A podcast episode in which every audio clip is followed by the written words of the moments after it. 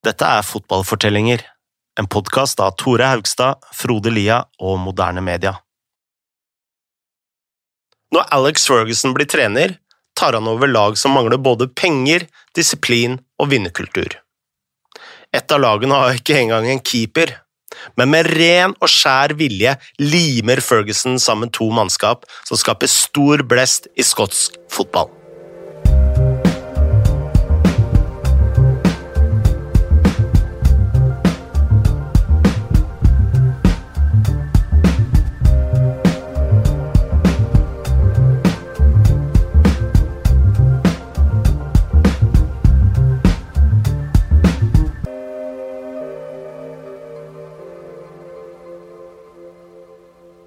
Da Alex Ferguson kom til East Stirlingshire, var den gode nyheten at han endelig hadde fått sjansen som trener. Den dårlige var at de kun hadde råd til å ansette ham på deltid. Han måtte finne en jobb på siden, så Ferguson åpnet en pub. Denne puben lå i Fergusons kjære Govan. Han kalte puben Fergus, enkelt og greit, for å dra nytte av sin status som tidligere storspiller, og en av salongene der fikk navnet Albuerommet. Puben trakk til seg alle mulige typer mennesker, men de fleste var menn som jobba ved kaia. Når disse typene fikk i seg et par halvlitere, kunne det ofte bli veldig ampert, og Ferguson måtte jo rett og slett bryte opp eh, slåsskamper en masse. Og eh, ofte kom han jo hjem med altså, brekte fingrer og blåveiser og, og det som verre måtte være. Eh, en gang hadde han et digert kutt i, i huet, eh, og Ferguson skrev eh, følgende I min pub kom du neppe til å se Sylvester Stallone, Bruce Willis eller Arnold Schwarzenegger. Men du kunne fort støte på kunder som kunne banka opp alle tre. Det fantes også andre grunner til at livet i puben ikke var helt trygt. En gang hadde noen stjålet whisky verdt 40 000 pund i nærheten som igjen hadde blitt stjålet fra de originale tyvene. En av stamgjestene på Fergus var en svær fyr med arr over hele fjeset, og det gikk rykter om at han var involvert i dette. En dag etter trening fikk Ferguson telefon fra sin assistent George Hope om at noen hadde kommet inn i puben med en shotgun. Da politiet dukket opp, hadde mannen forsvunnet. Senere kom det frem at han eh, var en berykta kriminell fra østsiden av Glasgow. En nyhet som ga Ferguson rett og slett frysninger nedover ryggen. Skurken eh, skulle senere overleve et forsøk på å dytte bilen hans ned fra en bro, før noen satte fyr på en garasje med lastebiler som han eide. Det var nå klart at han var involvert i en krig blant lokale gjenger, og da innså plutselig assistenten George Shope, som tross alt eh, hadde sett fyren komme inn i puben, at han var det eneste vitnet i saken. Hope eh, rømte landet og stakk av så fort at selv ikke Ferguson visste hvor han var. Selv om det var harde tak, skulle Ferguson senere si at puben hjalp han med å forstå mennesker. Han måtte håndtere alle mulige typer personligheter der, og han hørte jo på de sine drømmer og håp og fortvilelser, og, og lærte seg til å forstå hva han skulle si til disse, uansett hva slags humør de var i. Disse egenskapene skulle bli gull verdt i East Stirlingshire, hvor han mildt sagt hadde en jobb å gjøre. Stallen besto av et par eh, deltidsspillere og hadde ingen keeper. Overgangsbudsjettet var 2000 pund, Uten erfaring begynte Ferguson med å bruke hele budsjettet på en spiss som het Billy Holston. Hulston hadde egentlig sagt ja til et annet lag, men så sendte Ferguson ham et eh, telegram hvor han krevde å få møte ham. Snart overtalte Ferguson ham til å velge i Stirlingshire. Like før Hulston skulle skrive under på papirene, spurte han om han kunne ta en siste prat eh, med den andre klubben og Ferguson ga ham bare et skarpt blikk og sa om det er mer penger du vil ha, så skal jeg gi deg 50 pund av min egen lomme. Og så smalt han sedlene på bordet. Hølsen skrev under umiddelbart. Ferguson ga laget en dose av sin ekstreme vinnervilje. I løpet av treningene tok han ofte på seg skoene og ble med sjøl, og der var han den samme gamle bråkebøtta som han alltid hadde vært, med skarpe albuer og spiseknotter. Siden det var han som bestemte alt i, tre, i løpet av treninga, så kunne de holde på til det ble mørkt for at hans lag skulle få nok tid til å vinne kampen. Siden han knapt hadde penger som trener, så måtte han improvisere.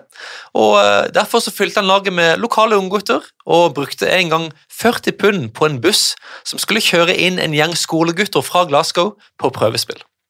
Da Ferguson en gang måtte forklare denne utgifta i et styremøte, så hadde han storma ut i rent sinne. Spillerne måtte være presise og stille opp iført slips og krage og hvem enn som glemte det, fikk tidenes skyllebøtte. Ingen metode var for rar til å prøves. I én kamp glemte han å sjekke værmeldingen, og fant en bane som var hard som betong. Ferguson løp av gårde til ei sportssjappe og kjøpte elleve par med baseballsko for at spillerne skulle få bedre feste. Enda rarere ting skulle skje i løpet av kampen. Motstanderlagets trener Frank Connor skulle bli så sint på dommeren at han bokstavelig talt kastet en benk inn på banen. Ja. For å vite mer om Fergusons tid i East Stirlingshire har vi snakka med Michael Grant. Han dekker skotsk fotball for The Times og har skrevet en av mine favorittbøker om fotball som heter Fergie Rises, som er fortellinga om hvordan Fergie slo gjennom i Skottland. Vi spurte Michael om hva slags rykte Ferguson opparbeida seg i East Stirlingshire. I, I think probably the, the, the, best way to describe it would be uh, he was a he was a, a, became a person of interest. Maybe that's the way to say it. You know, he he he he developed a growing reputation. Now, Ferguson, when he went into um, being an apprentice uh, uh, in the in the tool making industry, he he quite quickly got into the trade union movement, and he was seen as a kind of um, you know, a natural leader. He became a kind of shop steward at a young age, and uh, and a, and a leader of men in that sense. One of the things that I found really quite interesting and, and, and you know quite puzzling actually about Ferguson's playing career was that he was never made a captain by any of the teams he played for. Now, to you and I, looking at his his obvious leadership that he showed in management, it seems remarkable, really, that he was never a captain at any of his teams because um, he would have seen he would have seemed perfect for it. But that leadership um, qu- quickly emerged, of course, at, at, East Stirling. Now, East Stirling is is is a is a tiny club, really. Um, it, it's the second team in a town called Falkirk, which itself is is, is pretty small. Falkirk is is the is the, the bigger and stronger club, but East Stirling I mean, I, I would associate East Stirling with with crowds of about 150, 200. Um, they actually lost their ground. The, the ground that Ferguson um, would have managed at uh, is is now a supermarket, I think, and they and they they they, they rent grounds elsewhere. So a, a small club. Ferguson was only 32 when he when he took over there. The interesting thing was that straight away there were some of the traits that we that we later associate with Ferguson. I mean, he he fell out with people at the club. He, he, he threatened to resign. Now, none of that kind of turbulence came later, but but he, he immediately restructured the way the club was run. He, he was more professional. He he insisted that the players were more professional in how they looked and how they dressed and how they approached their games. And he, he did this really fascinating thing, which became one of the kind of Ferguson trademarks. He he he started telling these Sterling players that the local paper was biased against them. you know, which I mean, the local paper would have been startled by this accusation. You know, uh, he said, "Oh, they're only interested in Falkirk," um, so he would um, do his do his best to to give the the local paper stories and content about East Stirling to to raise their publicity and and it worked. I mean, I think their crowds went up uh, uh, threefold in, in in those three or four months. I oktober den sesongen ble Ferguson kontakta av St. Mirren. De lå bak i Stirlingshire på tabellen, men de var en større klubb, og selv om Ferguson var blitt glad i stallen sin, så greip han sjansen. Da han fortalte spillerne at han kom til å dra, så ble det helt blikkstille i garderoben, og så sa plutselig en av spillerne You bastard! Ferguson tok over en stall hvor de fleste spilte på deltid, men det betydde ikke at eh, han kom til å senke kravene noe. Lokalavisa Paisley Daily Express sendte fotograf for å ta lagbilde med den nye treneren. Da Ferguson senere så bildet i avisa, merka han at kapteinen Ian Reed hadde holdt opp kaninører bak hodet hans. Dette var jo ment som en spøk, men Ferguson kalte Reed inn på teppet og sa jeg vil ha en kaptein som er moden, det der er et barnslig skoletriks, du kommer til å bli solgt. Ferguson krevde total disiplin og dedikasjon, og hvem enn som ikke ga han det, havna enten på transferlista eller i en såkalt sort bok hvor Ferguson holdt styr på sine rebeller.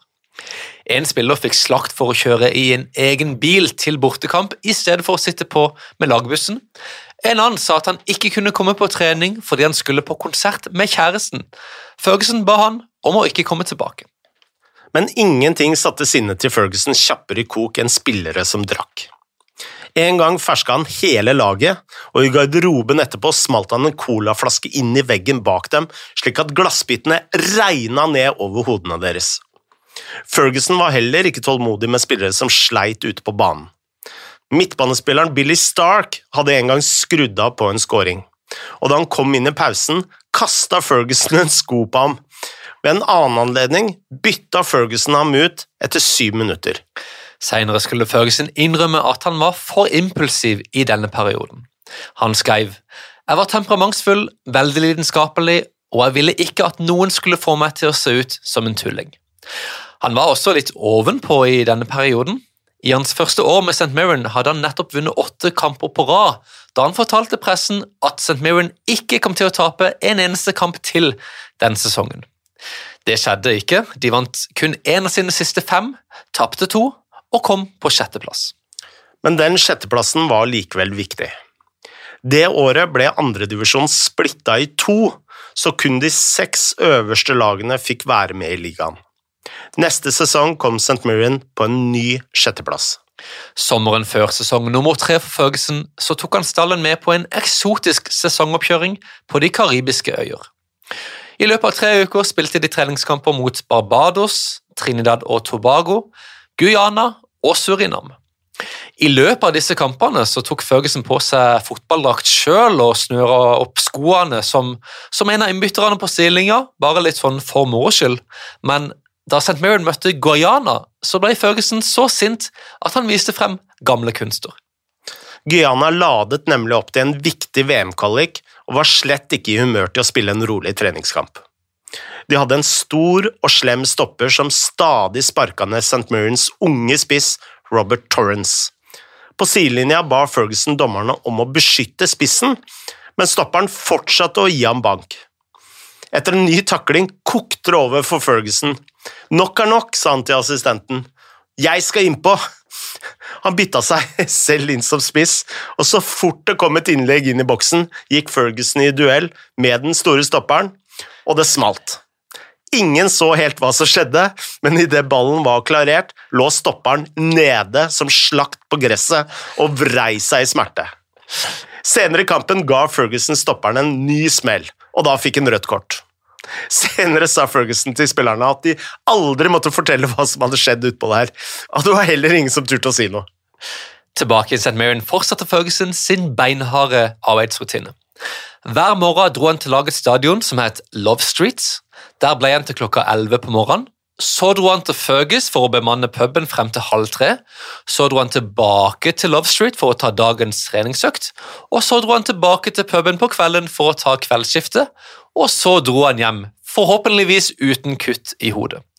Dette var før han hadde begynt å delegere oppgaver til sin stab, så han måtte gjøre absolutt alt sjøl. Dette inkluderte å kjøpe vaskemidler til Love Streets, bestille paier til kampdagene, og da han oppdaga at fansen hopper over bommen for å snike seg inn på kamp uten billett, så sørga han for at taket i billettluka ble senka. Han fortalte fortsatt spillerne at de ble ignorert av pressen, og han lagde faktisk en egen St. Mirren-avis. En av spillerne sa senere at han følte at Ferguson var overalt. Én ting som irriterte Ferguson, var hvor få personer som kom på kamp. Han sa supportergjengen knapt var større enn et kirkekor. St. Mirren kom fra Paisley, en fattig by i skyggen av Glasgow, og hver helg dro folk for å se enten Rangers eller Celtic i stedet for å støtte sitt lokale lag. Ferguson følte at hele bygda hadde et mindreverdighetskompleks, så en helg bestemte han seg for å drive litt PR. Han fant en stor van, fikk klubbens elektriker til å feste en megafon på taket, og så kjørte han rundt i byen med mikrofonen i hånden og oppfordra alle til å komme på Love Street.